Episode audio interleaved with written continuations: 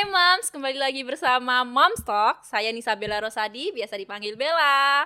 Halo dok. Halo Mbak. Gimana kabarnya hari ini? Baik, sehat. Alhamdulillah, sehat. Dok, pernah dengar nggak pepatah tak kenal maka tak sayang? Oh iya. Bener kan? Biar dokter Pitra banyak yang sayang, silahkan memperkenalkan diri terlebih dahulu. Oke. Halo Moms, Paps. Uh, saya dokter Pitra, dokter spesialis anak. Uh, hari ini mau diskusi ya? Iya, sharing ya, sharing, sharing ilmu. Iya. Kolik sendiri itu satu kata yang awam untuk mama-mama muda, eh mama-mama baru seperti new moms gitu ya, moms ya. New Tapi moms. bikin insecure ya kata kayaknya ya. Kayak, uh kayak gitu kan, kayak sesuatu yang genting gitu. Kolik sendiri itu apa sih, Dok? Oke. Okay. Jadi uh, sebutannya kolik ya, tapi kalau misalnya kita sebut di dunia medis namanya kolik infantil ya. Oh gitu ya. Kolik infantil itu sebenarnya uh, kalau bahasa Inggrisnya tuh excessive crying atau menangis berlebihan gitu ya. Okay, baik. Akibat rasa tidak nyaman uh, pada bayi kayak gitu oh, ya. baik. Jadi iya. rewel, irritable ya, tidak bisa ditenangkan kayak gitu ya. Jadi kalau kita temu ya, kondisi ya, gitu, ya. iya biasanya panik kan kalau seperti itu ya, apalagi, apalagi new moms benar, ya dok ya. anak pertama anak masih bayinya masih merah lah ya. banget. Iya. Ah, iya. Nah, penyebab kolik pada bayi itu apa, Dok? Mm. Jadi penyebab kolik pada bayi itu sebenarnya banyak, tapi uh, kita harus uh, apa membedakan ya, apakah ini sebuah penyakit organik atau ada sebab jelasnya atau memang benar sebuah kolik infantil ya yang uh, setelah kita singkirkan penyebab organiknya atau penyebab penyakitnya mm-hmm. ya tapi kalau misalnya uh, di penelitian itu uh, uh, alergi susu sapi intoleransi laktosa kemudian bonding yang tidak kuat pada ibu dan anak iya, itu bisa baik. menyebabkan kolik infantil oh, seperti oh, itu. Kolik sama kembung itu satu satu hal yang sama atau beda dok? Kalau kolik itu harus memenuhi uh, gejalanya ya. Hmm. Uh, memang kembung itu uh, bisa merupakan gejala dari kolik. Gejalanya. Iya, tapi kembung sendiri apakah kolik itu tidak karena kolik itu harus memenuhi beberapa gejala. Baik, ya. berarti ya mams kembung dan kolik itu sangat berbeda. Belum tentu kalau kolik pasti gejalanya kembung tapi kalau kembung belum tentu kolik ya dok iya, ya? seperti itu. Benar. Nah kolik sendiri biasanya umur berapa bayi mengalami kolik itu dok? Oke. Okay. uh, eh, umur umur bayi bisa mengalami kolik itu sekitar umur uh, eh, 6 minggu sampai 4 bulan. Paling tinggi tingginya ya tapi tidak me, tidak menutup kemungkinan uh, di luar umur itu bisa. Namun -hmm. memang insiden tertinggi adalah pada usia 6 minggu sampai 4 bulan. Baik begitu. Saya itu ada pengalaman dok. Jadi mm -hmm. anak saya ketika usia dua bulan mm -hmm. itu mulai masuk maghrib nyampe jam 11 malam itu nangis rewel pol mm. gitu. Awalnya kan karena saya nyumam sih ya dok ya. Kayak nggak ngerti ini kenapa sih gitu kan. Yeah. Ternyata setelah upgrade ilmunya belajar, oh ternyata ini kena koli. Benar. Gitu. Nah Uh, tadi kan disebutkan ya nangisnya sore menjelang malam, nggak cuma di Indonesia, ternyata di dunia oh. kolik itu memang jam-jamnya iya. atau iya. memasuki jam sore menjelang malam itu memang uh, tinggi-tingginya oh, kejadian iya, kolik iya. gitu. Jadi kalau di orang Indonesia mungkin uh, bisa jangan-jangan kena mitos bener, ya. Bener, bener. Aduh, ini anaknya, anaknya keganggu kena sawan, gitu. ya kan. Uh, ya ternyata nggak di Indonesia juga, di luar negeri itu juga sama, sore nah, sampai malam. Itu emang tapi emang ada hubungannya ya, Dok ya. Sawan karena malam dan kolik ya, itu. Iya, jadi memang uh, apa namanya jam-jam tersebut ya, jam-jam mungkin ada uh, faktor ketidaknyamanan bayi itu juga sangat berpengaruh Benar, ya. Iya, gitu. karena anak saya itu saya gendong, saya apa-apain nggak bisa, Dok. Bener-bener dia ngerasa nggak nyaman dan nangis gitu loh. Iya. Durasinya ya ma mau maghrib nyampe jam 11 malam terus itu nangis Betul. iya. Gak pernah siang gitu enggak. Siang dia tidur, oh tidur enak aja kok malam-malam kayak gini nih gitu. Iya, memang Baik. itu sangat uh, kondisi yang membingungkan orang tua Benar. ya karena nggak cuma orang tua, extend, extended family-nya, neneknya, kakeknya Betul. ikut uh, menimbrung untuk yeah. mengatasi gimana nih bayinya biar cepat. Dan biasanya kalau uh, nenek gitu bilangnya sawan tuh itu tadi ya dok ya. tetangga Dan, juga ya. Iya tetangga juga nih ikut-ikut aja nih dia gitu. Iya. Nah untuk uh, berapa lama dok, dok apa bayi bisa mengalami kolik? Oke, nah ini masuk ke ini aja ya, uh, masuk ke uh, gejala utama atau tanda yang bisa kita tentukan ke anak ini uh, kolik atau tidak. Jadi yang tadi saya bilang excessive crying atau tangisan berlebihan mm -hmm. itu harus memenuhi gejala yaitu lebih dari tiga jam dalam satu hari. Tiga jam. Dalam satu minggu lebih dari tiga hari, ya, Hmm. dan lebih panjangnya lebih dari tiga minggu, ya. Oke. Jadi rule of three kalau orang-orang bilang ya, Baik. rule of three. Jadi kalau misalnya eh, anaknya nangis, Mm-mm. eh, ada kan anak eh, mungkin nanti eh, ada dijelaskan juga ya, eh, Mm. beda setiap tangisan gitu ya. Oh benar-benar. beda setiap Ah. tangisan. Nah, kalau ini anaknya nangis ya. Terus kemudian kan kalau anak nangis harusnya bisa ditenangkan. Kalau Betul. ini tidak bisa ditenangkan ya. Jadi panjang nangisnya. Iya, Kadang-kadang. Oh, panjang. kadang-kadang uh, dia berhenti sendiri tapi nanti beberapa Lanjut lama lanjut lagi. lagi. Nah, itu kalau kita potong-potong dan uh, tambahkan durasinya digabung gitu. digabung lebih dari tiga jam dalam satu hari sudah dan tadi memenuhi ya tiga Mhm. hari dalam seminggu dan lebih dari tiga minggu itu sudah memenuhi namanya kolik infantil. Betul, Ya. baik. Nah, selain kembung tadi ya, Dok ya, gejala apa lagi nih, Dok, yang mungkin bisa langsung ditemuin, oh, ini kolik gitu di bayi apa, Dok? Kadang-kadang kolik sendiri gejalanya itu eh, tidak jelas atau tidak spesifik Oh, iya. ya. Kita nggak tahu nih anak nih nangis karena nangis lapar, apa nangis nyeri, apa Betul. nangis kenapa gitu ya. Jadi memang tandanya itu tadi excessive crying. Kemudian kadang-kadang eh, membentuk postur-postur tertentu seperti tangannya Oh, diangkat iya. ke atas ya. Kemudian didekatkan pada perut, kadang-kadang dia menengkukkan perutnya kayak gitu ya, mencoba untuk menyamankan dirinya sendiri tapi gagal sehingga makanya dia akan menangis seperti itu Betul. ya. Jadi kalau gejala khasnya memang tidak ada. Ya gitu karena memang bayi itu bisanya nangis ya, Dok ya. Mau lapar pun juga nangis, pipis pun juga nangis. Jadi sulit untuk ditemuin ya, Dok ya. Benar, Harus benar. langsung konsultasi Iya, ya, Dok ya. jadi eh, seperti itu kalau misalnya menemukan eh, kira-kira anaknya seperti itu eh, tadi memenuhi kalau memenuhi gejala langsung bawa ke dokter. Ya, anak. pokoknya jadi intinya tuh kembung tuh nggak melulu soal gejala Mm-mm. kolik kan, Mm-mm. Dok? Sebagai tambahan kadang-kadang kalau eh, mamahnya mengatakan kembung gitu ya. Betul. Kembungnya sendiri tuh sebenarnya gini. Benar kembung atau tidak karena eh, proporsi badan pada bayi Mm-mm. itu perut memang terlihat lebih besar. Iya. Jadi kalau berdasarkan kembungnya oh karena perutnya tampak lebih besar membumbung gitu, ya belum tentu juga. Karena harus diperiksa Eh, benar ya kami per- kami lakukan periksaan ya dokter anak atau dokter atau tenaga kesehatan lainnya apakah memang itu benar kembung atau tidak. Kalau gitu. kembung yang dipukul duk duk duk itu kembung, Iya. Dok? Sebenarnya kalau perut kita Hmm. lakukan nama itu tindakan perkusi ya, eh, apa seperti pemukulan lembut gitu ya Iya, sehingga betul. menimbulkan bunyi tung tung gitu ya. dung, Itu memang sebenarnya normal gitu. ya. Oh, Ah, normal pada. Jadi kalau kadang kita mukul-pukul sendiri gitu bunyi-bunyi sendiri, Iya. panik-panik sendiri. Iya betul. Jadi jalan sa- cara satu-satunya untuk mengetahui bayi kolik atau tidak ya mending dibawa konsultasi ya Benar. ya. Kalau kira-kira gini, benar.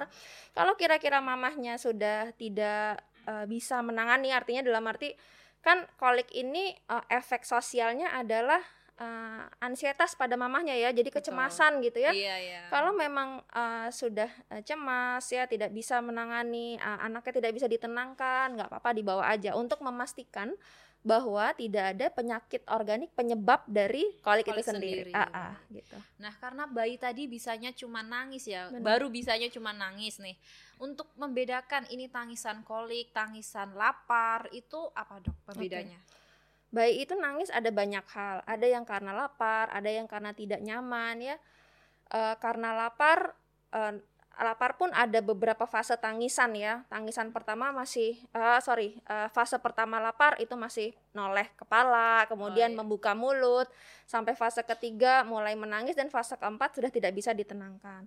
Ya, Eh, bisa juga kalau anak menangis, kalau bayi menangis itu mungkin tidak nyaman seperti popoknya penuh Betul, ya. iya. atau suhu lingkungan yang tidak nyaman buat bayi terlalu ya. panas gitu terlalu ya, panas atau jangan-jangan terlalu dingin gitu ya. Nah singkirkan dulu sebab-sebab itu. Oh anaknya eh, tahu dari mana lapar ya kan? Kita eh, sudah tahu nih eh, pola-pola menyusunya. Oh setiap dua jam sekali atau tiga jam sekali anak itu akan minum ya. Iya. Artinya kalau menangisnya itu sudah mendekati jam itu coba pikirkan apakah itu lapar Betul. gitu kalau di luar jam itu pikirkan apakah tidak nyaman kalau misalnya tidak nyaman, kita ganti popoknya atau kita eh, sesuaikan suhunya, kemudian dia bisa kita tenangkan, ya artinya bukan kolik. Benar. Ah, ah. Jadi kayak hal pertama yang harus dilakukan mam semua yang di rumah adalah ngecek suhu, Iya. ngecek pampers, jam makan, udah waktunya minum susu atau Iya. belum. Kalau sekiranya semuanya sudah dilakukan ternyata masih nangis, bawa ke dokter ya dok Iya, ya. dan Konsultasi tetap tenang. Tetap tenang. Saya dulu panik loh dok, oh ini gimana ini gitu. Iya. Terus Kan nonton podcast ini ya. Oh jadi iya, biar tenang. Un- Terus untuk ini, menyu- apa nangis karena kolik itu bisa ditenangkan dengan kita susuin gitu nggak dok? Mm, mm, mm. Ya gini, kalau misalnya tadi, kalau dia tidak lapar, kalau bukan karena lapar ya nggak bisa gitu. Tetap nggak bisa Nggak ya, Dok, ya? ha-ha. Jadi karena memang eh, kadang-kadang mah- bahkan eh, untuk eh, mengenyot saja bayinya kadang-kadang menolak mungkin Iya. karena memang penyebabnya bukan karena lapar gitu. Betul. Karena kita orang dewasa aja kalau lagi sakit disuruh makan juga menolak ya dok ya kayak Ngamuk ya. iya nggak nyaman nih kalau disuruh makan kan gitu. Iya, iya. Betul. Terus biasanya waktu-waktu bayi mengalami rasa nyeri. Nah, itu Mm-mm, di mm-mm. waktu-waktu apa, Dok? Ya sebenarnya tadi itu ya, kolik tuh juga bukan oh nyeri pasti nyeri gitu ya Hmm? bukan ya jadi tidak nyaman sebenarnya ya saya Cuma mau mengkoreksi jadi mungkin rasa tidak nyaman itu yang tadi saya bilang timbulnya paling seringnya adalah sore menjelang malam Nah, ya. Kayak tadi ya, Dok ya. Heeh, betul. Dan tenang bukan hanya di Indonesia saja ya ternyata di luar negeri kayak gitu di juga. seluruh dunia. Ah, ah, jadi bukan karena gangguan-gangguan dari sawan bukan sawan ya. Jadi emang jamnya tuh kok ngepasinnya pas malam ya? Betul. bukan karena emang sawan. Betul. nah dok biasanya nih nyeri kolik itu timbul hilang pada bayi atau timbul eh, hilang terus nangis lagi hilang nangis lagi. Itu berapa jam sekali dok? Apa emang ada durasinya nangis terus atau emang nanti akan ada dia saat diem gitu nggak dok? Ya memang hilang timbul kayak Hilang gitu. timbul. tergantung juga. Jadi banyak faktor. Jadi eh, ada ada yang terus menerus menangis sampai jangka waktu berapa lama. Ada yang tadi itu dia mereda sendiri. Namun kemudian baru kena sti- eh, stimulasi dikit kedengar suara kebangun nangis lagi kayak gitu ya. Jadi hilang Iya. timbul sih tetap sebenarnya. hilang timbul Uh-uh. ya dok ya. Jadi emang eh, untuk menghitung durasinya tadi seperti yang dokter bilang digabungin kan ya. Iya. dia nangisnya terus diemnya nangis lagi itu berapa lama digabungin? Itu setelah tiga Mm-mm. jam ya dok ya? Iya. Sehari tiga Iya, jam itu uh-uh. bisa dibilangin kolik. Kan kadang-kadang eh, kita nggak terlalu ngeliatin jam gitu ya cuman Mm-mm. kita bisa mengira-ngira oh tadi nangis yang pertama 20 menit nih Iya. kemudian dia sempat eh, berhenti sempat uh-uh, diam tidur nangis lagi gitu. 30 menit ya tinggal ditambahkan aja dalam sehari dia bisa berapa jam Betul, nangis 24 baik. jam oh, itu iya ada ya dok ada Nggak, bayi yang nangis 24 Dal- jam dalam gitu? 24 jam itu berapa jam dia menangis Oh tadi gitu. itu Tapi emang nggak ada ya dok kayak 24 jam dia pagi siang sore malam nangis terus karena itu kira-kira ada nggak dok? Ya kan pasti ada fase ini dia lelah menangis pasti Oh kan iya, ada iya, berhenti capek ya, Dok, ya. Betul. Kalau nyeri kolik sendiri dok itu ada di bagian mana? Eh, itu ketidaknyamanan itu biasanya eh, adanya di bagian saluran cerna di Saluran perut iya baik. di perut jadi makanya tadi ada beberapa Mm-mm. posisi yang mungkin eh, seperti anaknya eh, tangannya mengangkat ke arah daerah Kakinya. perut kakinya menekuk kayak gitu ya Itu Eh, memang selalu ada di pencernaan atau bisa pindah-pindah dok? Nah, Gitu? tadi disinyalir adalah sebabnya bisa merupakan sebuah eh, alergi susu sapi atau intoleransi laktosa. Jadi sebenarnya ketidaknyamanan itu adanya di saluran cerna kayak gitu, ya. Berarti penyebabnya ya emang ada di saluran cerna Mm, gitu. Iya. Ada beberapa yang mengatakan bahwa eh, bayi yang menyusunya itu sebentar-sebentar, sebentar-sebentar, lima menit lepas ya, Iya, kemudian lima menit lagi lepas ya, itu eh, beresiko mengalami eh, atau eh, ada bayi yang memang mengalami intoleransi laktosa karena kan memang lima menit pertama dari ASI memang eh, kandungan laktosanya tinggi Oh, seperti gitu, itu ya. Padahal misalnya pada bayi tersebut ada gangguan uh, enzim pencerna laktosa gitu ya. Itu juga menyebabkan ketidaknyamanan pada bayi karena menimbulkan uh, produksi gas juga Iya. gitu. Jadi memang ketidaknyamanan itu harus dicari tahu sih sebabnya ya untuk bisa mengatasi. Baik, pertolongan pertama nih untuk para new moms di rumah yang anaknya sedang mengalami kolik itu apa dok? Yang harus dilakukan pertama kali? Iya. Karena memang menenangkan bayi ini kan memang uh, gampang-gampang sulit ya. Iya. Jadi betul. sebenarnya eh, ma- mama yang mengalami kecemasan atau mengalami udah eh, sudah tidak mampu untuk menenangkan, sebaiknya si anak ditenangkan oleh pengasuh lain, misalnya ayahnya atau dicoba ditenangkan neneknya sambil mamahnya beristirahat dulu sejenak gitu ya. Mm-mm. Karena eh, dengan bayi yang kolik dipegang oleh mamah yang udah Lagi capek mentalnya, uh, capek badan udah kalut gitu, gimana ya, cara menenangkan itu gitu bukan ya. solusi ya, Dok ya. Jadinya tadi ada ada sebab salah satunya adalah bonding ibu dan anak. Kalau memang mamahnya kalut, anaknya juga sedang dalam kondisi kambuh-kambuhnya kolik ini, Mm-mm. ya memang uh, ini ya sebaiknya dibantu oleh uh, pengasuh lain atau support yang uh, dari support yang lain ya dari orang. Terus kalau ini uh, tindakannya biar tidak bayi tidak mengalami kolik itu apa, Dok? Untuk mencegah, mencegah. Iya. Mencegah ya memang eh, pertama harus eh, ini juga ya, harus eh, aware kalau mencegah itu sebenarnya kan tidak tahu sebabnya apa. Iya. Dalam arti eh, oh spesifiknya apa sehingga kalau mencegah memang nggak ini ya lebih kepada deteksi dini. Oh anaknya kolik gitu ya. Anaknya kolik. Oh berarti eh, apa yang harus dilakukan? Membuat nyaman apa segala macam kayak gitu ya. Tapi kalau kita mencegah eh, anak kita masih berapa minggu oh mencegah nanti biar nggak kolik gitu ya memang eh, apa ya cukup sulit ya. Cukup karena sulit, kalau ya. misalnya penyebabnya alergi misalnya contohnya ya harus tahu dulu eh, bagaimana resiko alergi di keluarganya. Mungkin nggak anaknya alergi seperti itu ya seperti itu contohnya Nah, kalau kolik sendiri itu bisa ditanganin dipijit gitu nggak, Dok? Jadi kayak pijet apa ya perut biar kentut itulah biar keluar ininya kayak gitu bisa nggak, Dok? Oke. Ada beberapa cara yang Hmm. dikatakan uh, pijat pada perut, tapi biasanya yang dilakukan oleh mamanya sendiri ya. Betul, iya. Ada yang menyebutkan metodenya apa I love you ya. Iya, oh Ya, iya saya pernah loh, uh, Dok, itu kayak waktu gitu masih ya. anaknya masih bayi. Uh, uh, sebenarnya itu bukan uh, pijat uh, kalau di Indonesia kan pijat tuh uh, kayak mengurut gitu ya. Iya, Kalau itu betul. enggak, kalau itu hanya melakukan usapan lembut Iya, ya pada usapan perutnya ya emang itu eh, bisa mengurangi eh, atau bisa memberikan rasa nyaman, kayak Nyaman, gitu. betul. Iya. Berarti pijat bisa dilakukan jadi cara salah satu untuk Iya. mengurangi rasa tidak nyaman bayi saat mengalami kolik ya, Iya, Dok ya. betul. Betul. Nah, dokter sendiri pernah ada pengalaman nggak kayak eh, ada pasien bawa bayinya kolik terus setelah ditanganin dia masih ngerasa tidak nyaman kayak gitu. Orang tuanya jadi kayak marah-marah karena kan orang tua nyumam tahu sendiri kan mak. Dok dia tuh kayak ngerasa bayinya itu wah banget. Pernah nggak dok ngerasa apa ada pasien yang seperti itu?